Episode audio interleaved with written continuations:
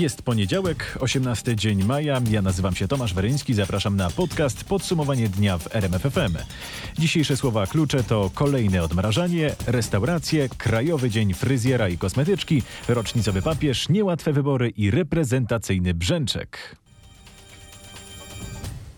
To już oficjalnie. 18 dzień maja ustanowiliśmy Krajowym Dniem Fryzjera i Kosmetyczki z RMFFM. Ze świecą ostatnio trzeba było szukać eleganckich głów. Odrost się udało taki e, porządny wyhodować przez ten czas. No tak, porządny. No ale hodowlę najwyższy czas zakończyć, bo salony zostały otwarte i nożyczki poszły w ruch. Fryzjerzy wyjątkowo wcześnie rozpoczęli pracę. W Łodzi niektóre punkty otworzyły się już o ósmej. Na fotelach siedzieli szczęśliwcy, którym udało się zapisać na wizytę w pierwszym dniu, kiedy jest to możliwe. Napisałam wcześniej, jak już tylko podano, że otwierają zakłady fryzjerskie i, i się dostałam. Potrzebowałam bardzo. Pierwszy tydzień często już jest cały zapełniony. A to są klienci, którzy czekali tak naprawdę na otwarcie salonów i przepisywali się z tygodnia na tydzień. Z panem Jarosławem, właścicielem salonu fryzjerskiego w Łodzi i jego klientką rozmawiała nasza reporterka Magdalena Greinert. Strzyżenie, farbowanie czy modelowanie włosów będzie odbywało się na innych zasadach niż dotychczas. Nasz reporter Mateusz Chłystun sprawdził, jak będzie wyglądała praca fryzjerów w praktyce na przykładzie jednego z salonów na poznańskiej Wildzie. Co się dokładnie zmienia? Fryzjerzy będą przyjmować swoich klientów w maseczkach, przyłbicach i rękawiczkach.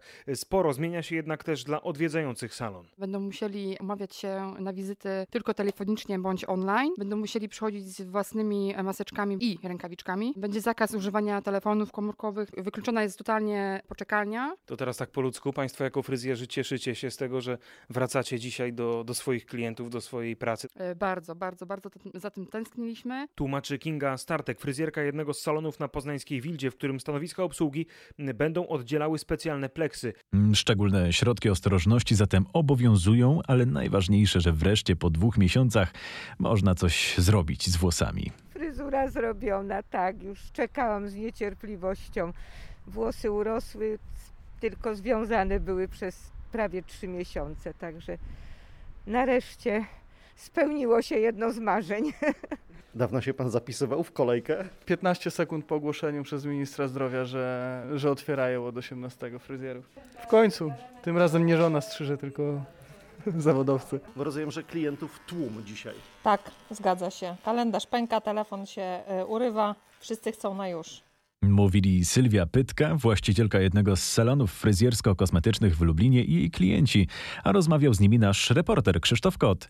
A wy zajrzyjcie na nasze strony w sieci. Z okazji ogłoszonego przez nas Krajowego Dnia Fryzjera i Kosmetyczki publikujemy przesłane przez was zdjęcia sprzed i po wizycie w salonie fryzjerskim. Możecie też dołączyć do naszej akcji. A włosy włosami, ale dziś ruszyły także pierwsze w tym sezonie restauracyjne ogródki.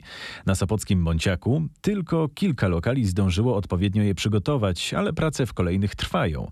Gastronomia funkcjonuje na specjalnych zasadach. W lokalu może być mniej klientów, większe są odległości między stolikami, niezależnie od tego, czy znajdują się one wewnątrz, czy na zewnątrz budynku. W Sopocie, mimo braku dobrej pogody, chętnych na posiłek w ogródku nie brakuje. Ja myślę, że jedzenie nigdy nie smakowało aż tak pysznie i nie siedziało się nigdy tak wspaniale na świeżym powietrzu. No rewelacja. Pani też tęskniła trochę? Oczywiście, specjalnie przyjechaliśmy się odstresować. Specjalnie na ten poniedziałek, y, skoro otwierają restauracje, knajpki i tak dalej? Dokładnie. Ruszyliśmy powoli, pogoda trochę nie dopisuje, no ale mam nadzieję, że trochę się polepszy. Wytyczne, których y, musicie dopełniać, mocno utrudniają pracę? E, Jest to trochę kłopotliwe, no ale staramy się, wdrażamy, pilnujemy pracowników, żeby się stosowali do, do tych wszystkich wymogów. Lista jest dość długa, więc nie jest to proste. Mówili naszemu reporterowi Kubie Kałudze klienci oraz Alicja Sereda, menadżerka jednego z lokali gastronomicznych przy Sopockim Monciaku. Aż dwie trzecie firm z branży gastronomicznej musiało na czas pandemii całkowicie zawiesić działalność. To był bolesny, trwający ponad dwa miesiące okres, który już na szczęście się zakończył. Ale koszty są ogromne. W czasie epidemii mocno wzrosło zadłużenie całej branży gastronomicznej, a musimy wiedzieć, że ono było wysokie już przed wprowadzeniem zakazu działalności barów, kawiarni i restauracji. Jeszcze przed lockdownem przeterminowane zadłużenie gastronomii przekroczyło 647 milionów złotych. No i szczególnie trudne były ostatnie miesiące. Kwota zobowiązań zwiększyła się o blisko 80 milionów złotych. Mówi Diana Borowiecka z Biura Informacji Gospodarczej Infomonitor. Kłopoty ma także branża kosmetyczna, która przed kryzysem była jedną z najsolidniejszych. Tylko niecałe 6% firm miało długi. Więc widać, że e, przed pandemią było tutaj, e, jeśli chodzi o finanse, zupełnie nieźle. Dodaje Halina Kochalska z Biura Informacji Gospodarczej Infomonitor. Teraz będzie gorzej, bo pamiętamy, że choć branże gastronomiczna i kosmetyczna mogą wznowić działanie, to z powodu ograniczeń będą mogły przyjmować mniej klientów niż zwykle. To niesamowite uczucie móc wreszcie po dwóch miesiącach normalnie wypić kawę na rynku w Krakowie. Mówili pierwsi klienci restauracji i ogródków kawiarnianych. Z obostrzeniami, no ale jesteśmy, jesteśmy na pewno szczęśliwi z tego powodu wszyscy. Samopoczucie jest cudowne. Dodatkowo piękna pogoda. Całkiem inaczej smakuje, jak ktoś zrobi kawę. Mówiły klientki w Krakowie. No właśnie, a propos obostrzeń, jakie konkretnie? Po pierwsze, odległość między stolikami musi wynosić 2 metry, a po drugie, na 4 metrach kwadratowych może przebywać tylko jeden klient. A za dwa tygodnie czeka nas kolejna runda odmrażania gospodarki. Ma dotyczyć kondycji fizycznej i kultury. A co konkretnie ma się znaleźć w kolejnej fazie znoszenia ograniczeń, sprawdził Krzysztof Berenda. Od 1 czerwca otwarte mają zostać siłownie oraz kluby fitness, ale jeszcze nie baseny. Otwarte mają zostać też salony tatuażu i kolczykowania, czyli piercingu. Ministerstwo Zdrowia rozważa, czy zezwolić wtedy także na częściowe otwarcie kin. Oczywiście z limitem widzów. Ma nastąpić również poluzowanie limitów w żłobkach i przedszkolach, tak żeby przyjmować więcej dzieci. I tu może pojawić się nowość. Jeżeli za te dwa tygodnie okaże się, że mamy rejony w kraju, gdzie pojawia się jeden, dwa przypadki koronawirusa dziennie, no jak teraz na przykład na Podlasiu czy w Małopolsce, a z drugiej strony będą takie regiony jak Śląsk, to rząd może wprowadzić tak zwaną regionalizację, czyli będą województwa, gdzie ograniczenia zostaną utrzymane i takie, gdzie będą znoszone. Decyzja zapadnie w połowie przyszłego tygodnia w zależności od rozwoju koronawirusa. Dzisiaj przypada setna rocznica urodzin Karola Wojtyły, świętego Jana Pawła II.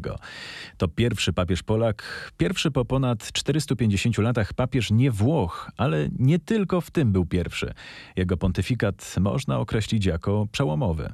Na pewno takim jednym z głównych wydarzeń, niezaprzeczalnie, był pierwszy Światowy Dzień Modlitw o Pokój z udziałem przedstawicieli różnych religii w Asyżu w roku 86.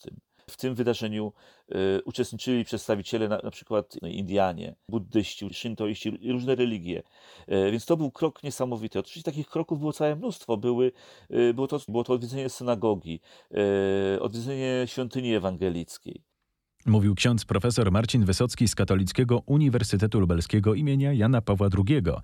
A dziś przewodniczący konferencji Episkopatu Polski arcybiskup Stanisław Gondecki podziękował papieżowi Franciszkowi za mszę odprawioną przy grobie świętego Jana Pawła II. Wspomnienia, ale też quiz wiedzy o Janie Pawle II mamy na rmf24.pl. 76 lat temu, 18 maja 1944 roku, po wielomiesięcznych krwawych starciach, polską flagę zatknięto na ruinach klasztoru na Monte Cassino. Za naszą i waszą wolność my, żołnierze, polscy oddaliśmy Bogu ducha, ciało ziemi włoskiej, a serca Polsce. Przypomina sentencję wykutą w kamieniu na polskim cmentarzu wojennym na Monte Cassino 95-letni Romuald Lipiński, który jako 19-latek brał udział w ciężkich walkach. Obecnie mieszka koło Waszyngtonu. Tak w rozmowie z RMFFM wspomina, jak pod koniec kwietnia 1944 roku znalazł się w rejonie Monte Cassino. Góra klasztorna była owiana dymami. Widać było wciąż rozrywające się pociski. Myśmy byli w, w gajach oliwnych i tam dzieliła nas łąka do wzgórz Monte Cassino. To było jakieś 4 kilometry i ta łąka była cała w kwiatach, czerwone maki. Film ze wspomnieniami znajdziecie na naszej stronie rmf24.pl. 356 osób zakażonych i 11 zgonów, natomiast wyzdrowiało 177 osób. To dobowy bilans koronawirusa w Polsce. Ogółem liczba zgonów związanych z epidemią w Polsce to 936 zmarłych. Łączny bilans zachorowań zbliża się do 19 tysięcy. To 18 885 osób, z których wyzdrowiało w sumie 7628. Jest szansa, że niedługo nie będzie obowiązku noszenia maseczek w miejscach publicznych poza pomieszczeniami, czyli w otwartej przestrzeni. Nie wszędzie ma to nastąpić od razu, ale Ministerstwo Zdrowia chce zwalniać z tego obowiązku poszczególne regiony. A kiedy może zapaść pierwsza taka decyzja i od czego będzie uzależniona? Z ministrem Łukaszem Szumowskim rozmawiał nasz reporter Mariusz Piekarski. Minister Szumowski mówi, że w ciągu tygodnia, może dwóch, powinny zapaść pierwsze decyzje, czy gdzieś można złagodzić, bo nie całkowicie znieść obowiązek noszenia maseczek maseczek, to ma być uzależnione od tego, czy po dzisiejszym luzowaniu obostrzeń, choćby otwieraniu gastronomii czy zakładów fryzjerskich, uda się utrzymać niskie wskaźniki nowych zakażeń. Jeśli te wskaźniki w województwach się utrzymują, to być może regionalnie będziemy wydawali taką decyzję, jak powiedziałem, to znaczy, że w przestrzeni otwartej, na wolnym powietrzu te maseczki będzie można zdjąć, a w zamkniętych przestrzeniach, w komunikacji, w sklepach, tam one pozostaną oczywiście. To zasadnicza zmiana, bo przypomnę, jeszcze kilka dni, tygodni temu ten sam minister na pytanie, jak długo będziemy nosili maseczki, odpowiadał zdecydowanie, aż będzie szczepionka. Teraz minister chce w rozporządzeniu wskazywać województwa, gdzie ten obowiązek noszenia maseczek będzie złagodzony. Obiecywane przez rząd i prezydenta podniesienie zasiłku dla bezrobotnych będzie kosztowało nawet 5,5 miliarda złotych, wyliczają ekonomiści. W ostatni piątek premier Mateusz Morawiecki ogłosił, że zasiłek wzrośnie z 861 zł miesięcznie do 1200 zł. Będzie także nowy, dodatkowy zasiłek. Osłona solidarnościowa. Dodatkowy zasiłek trzymiesięczny dla osób, które teraz tracą pracę w wysokości 1300 złotych. Premier złożył obietnicę w piątek, mamy poniedziałek i sprawdzamy, co z projektem ustawy. Okazuje się, że jest gotowy, ale jeszcze nie opublikowany. Ministerstwo Pracy już ma gotowe dokumenty, ale jeszcze nie uruchamia procedury podnoszenia zasiłku dla bezrobotnych. Dlaczego? Ano dlatego, że władza czeka na dobry kampanijny moment, jak informuje nasz reporter, tak żeby zyskać najwięcej punktów. A więc trochę na to poczekamy. Minister rozwoju, wicepremier Jadwiga Emilewicz sygnalizowała, że nawet do przełomu czerwca i lipca lipca, czyli osoby, które ostatnio straciły pracę i nie dostały nowej, muszą jeszcze uzbroić się w cierpliwość, jeśli chodzi o realne wsparcie finansowe. Koniec z kwarantanną dla Polaków pracujących za granicą. Od minionego weekendu do domów mogą wrócić wszyscy, którzy pracują na terenie Unii Europejskiej i państw Europejskiego Obszaru Gospodarczego. Szczegółowe informacje zebrała nasza reporterka Aneta Łuczkowska. Kto dokładnie został zwolniony z dwutygodniowej kwarantanny? Wszyscy, którzy za granicą pracują bez względu na branżę, dotyczy to też Polaków z Wielkiej Brytanii, Szwajcarii czy Norwegii, mogą wrócić do domu na przykład na weekend i nie będą poddani kwarantannie. Warunek jest taki, że podróż musi mieć związek z obowiązkami zawodowymi poza granicami Polski. Przepisy nie dotyczą więc osób, które od lat mieszkają na przykład w Anglii, a teraz chcą turystycznie przyjechać do ojczyzny. Rozporządzenie łagodzące restrykcje w podróżowaniu zostało opublikowane w sobotę i obowiązuje od tego dnia. Jeśli ktoś granicę przekroczy, tego dnia rano, przed ukazaniem się rozporządzenia w Dzienniku Ustaw i został skierowany na kwarantannę, może wnioskować do powiatowego inspektora sanitarnego o uchylenie tej decyzji administracyjnej. A za dwa tygodnie polskie linie lotnicze LOT wznawiają loty pasażerskie, na razie niektóre krajowe. Podróżować będzie można między ośmioma miastami. Będą to loty do trzech razy dziennie na trasie Warszawa-Gdańsk, do dwóch razy dziennie z Warszawy do Krakowa, Poznania, Rzeszowa, Szczecina, Wrocławia i Zielonej Góry oraz raz dziennie z Krakowa do Gdańska. Nowa siatka połączeń od 1 czerwca obejmuje około 30 lotów każdego dnia. Paliwa znowu tanieją, nie jakoś znacząco, ale jednak w ciągu ostatniego tygodnia mieliśmy spadek o 3 do 5 groszy.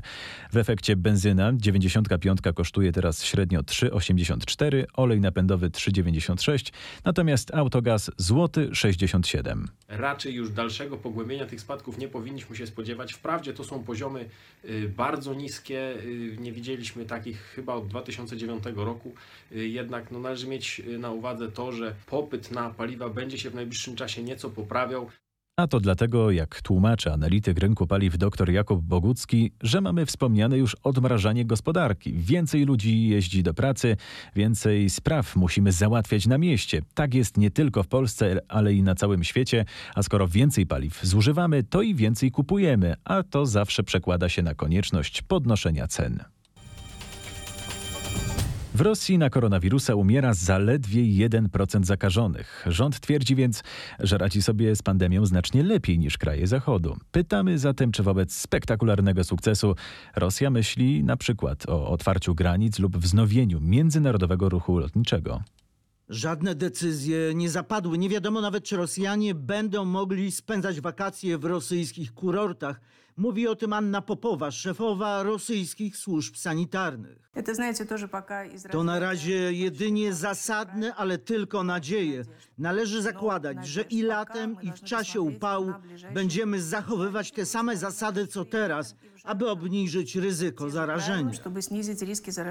Wznowienie międzynarodowego ruchu lotniczego i otwarcie granic nastąpią najprawdopodobniej dopiero po wprowadzeniu szczepionki, czyli dopiero jesienią. To nasz korespondent w Moskwie, Przemysław Marzec. Przenosimy się na drugą półkulę świata. Prawie 420 tysięcy nowojorczyków opuściło już miasto, które walczy z epidemią. A to martwi lokalne władze, informuje nasz korespondent w USA Paweł Żuchowski. Tak, podejrzewa się, że wielu nie wróci w najbliższym czasie do miasta. Z niektórych bogatych dzielnic Nowego Jorku wyjechało nawet 40% mieszkańców. To ludzie o wysokich zarobkach, dużych kwalifikacjach, potrzebni na Manhattanie.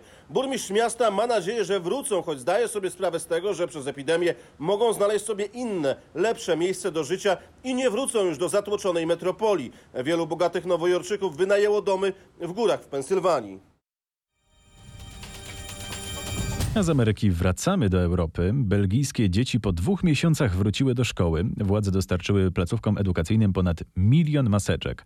A o szczegółach Katarzyna Szymańska-Borginą. Do szkół wróciły kluczowe roczniki, czyli szóste klasy szkół podstawowych i średnich. Dzieci powyżej 12 roku życia muszą mieć maseczkę na twarzy. W klasie wszyscy siedzą w osobnych ławkach. Na każdego ucznia musi przypadać 4 metry kwadratowe, a to oznacza, że w klasie jest średnio 10 uczniów. Nauka będzie się odbywać tylko dwa razy w tygodniu na dwie zmiany. Nie wiadomo, czy jeszcze w tym roku szkolnym wrócą inne roczniki. Nieoficjalnie mówi się, że jest to generalna próba przed ewentualną drugą falą zachorowań we wrześniu.